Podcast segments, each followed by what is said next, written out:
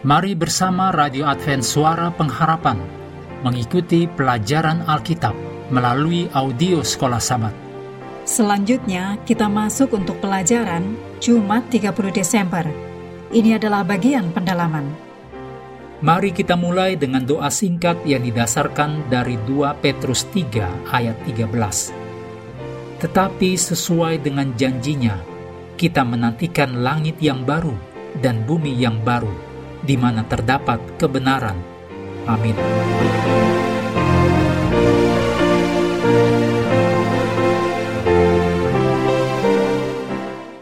Anda perlu membaca tulisan Ellen G. White dalam buku Alpha dan Omega Jilid 8, judulnya Pertikaian Berakhir, halaman 699 sampai 716.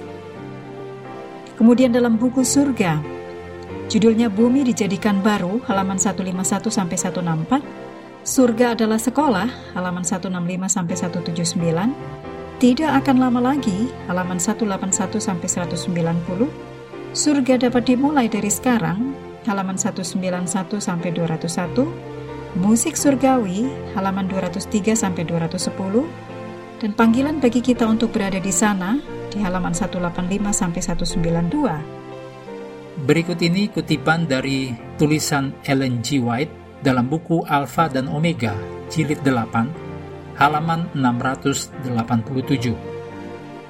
Salib Kristus akan menjadi ilmu pengetahuan dan nyanyian umat tebusan selama-lamanya. Dalam Kristus yang dimuliakan itu, mereka akan melihat Kristus yang disalibkan. Tidak akan pernah dilupakan bahwa Ia, yaitu Kristus, yang berkuasa menciptakan dan menopang dunia-dunia yang tak terhitung banyaknya di seantero jagat raya ini, Allah yang Maha Kasih, penguasa surga, Ia yang dipuja oleh kerub dan serafim yang bersinar dengan sukacita. Ia merendahkan dirinya untuk mengangkat manusia yang jatuh, sehingga ia yang menanggung kejahatan dan kehinaan dosa, yang wajah Bapaknya disembunyikan, hingga kutukan dunia yang hilang ini meremukkan hatinya ia menyerahkan hidupnya mati di salib Golgota. Bahwa pencipta segala dunia, penentu semua tujuan, harus mengesampingkan kemuliaannya dan merendahkan dirinya untuk kasihnya bagi manusia akan selalu membangkitkan keheranan dan kekaguman alam semesta. Berikut ini Kutipan dari Alfa dan Omega jilid 8 halaman 716. Pertikaian besar telah berakhir. Dosa dan orang-orang berdosa tidak ada lagi. Seluruh alam semesta sudah bersih. Suatu denyut keharmonisan dan kesukaan berdetak di seluruh alam kejadian. Dari Dia, yaitu Allah, yang menciptakan semuanya, mengalir kehidupan dan terang dan kesukaan ke seluruh jagat raya yang tidak ada batasnya ini. Dari atom yang paling kecil sampai kepada dunia yang paling besar, segala sesuatu yang bergerak atau yang tidak bergerak, dalam keindahan yang tak terselubung dan kesukaan yang sempurna, menyatakan bahwa Allah itu kasih adanya. Berikut ini hal-hal untuk diskusi. Yang pertama, banyak orang Kristen sekular menjalani hidup mereka seolah-olah dunia ini akan bertahan selamanya, seperti yang dijabarkan Yesus di Lukas 12 ayat 16 sampai 21 mengenai perumpamaan orang kaya yang bodoh. Bagaimanakah kita dapat menyeimbangkan cita-cita duniawi kita dengan prioritas surgawi kita? Kita harus menjaga diri terhadap apa yang Yesus telah peringatkan di dalam Lukas 12 ayat 21, yaitu, Demikianlah jadinya dengan orang yang mengumpulkan harta bagi dirinya sendiri, jikalau ia tidak kaya di hadapan Allah.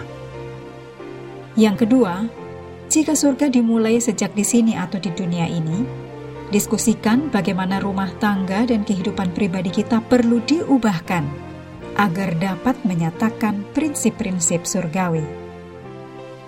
Yang ketiga, Renungkanlah pertanyaan yang diajukan pada akhir pelajaran hari Minggu. Di balik pesimisme, mereka yang tidak percaya akan kehidupan kekal, mereka tidak punya pengharapan dari kitab suci. Pada saat yang sama juga, beberapa dari orang-orang ini tampaknya menjalani kehidupan yang cukup bahagia, bahkan tanpa menyatakan pengharapan masa depan diskusikan bagaimana mereka bisa melakukan pembenaran hidup, bahkan dengan merasa puas tanpa janji akan sesuatu yang melampaui di luar kehidupan ini. Mengakhiri pelajaran hari ini, mari kembali kepada ayat hafalan kita dalam 2 Korintus 5 ayat 10. Ketika aku melihat dia, tersungkurlah aku di depan kakinya, sama seperti orang yang mati. tetapi ia meletakkan tangan kanannya di atasku, lalu berkata, Jangan takut, aku adalah yang awal dan yang akhir dan yang hidup. Aku telah mati, namun lihatlah, aku hidup sampai selama-lamanya. Dan aku memegang segala kunci maut dan kerajaan maut.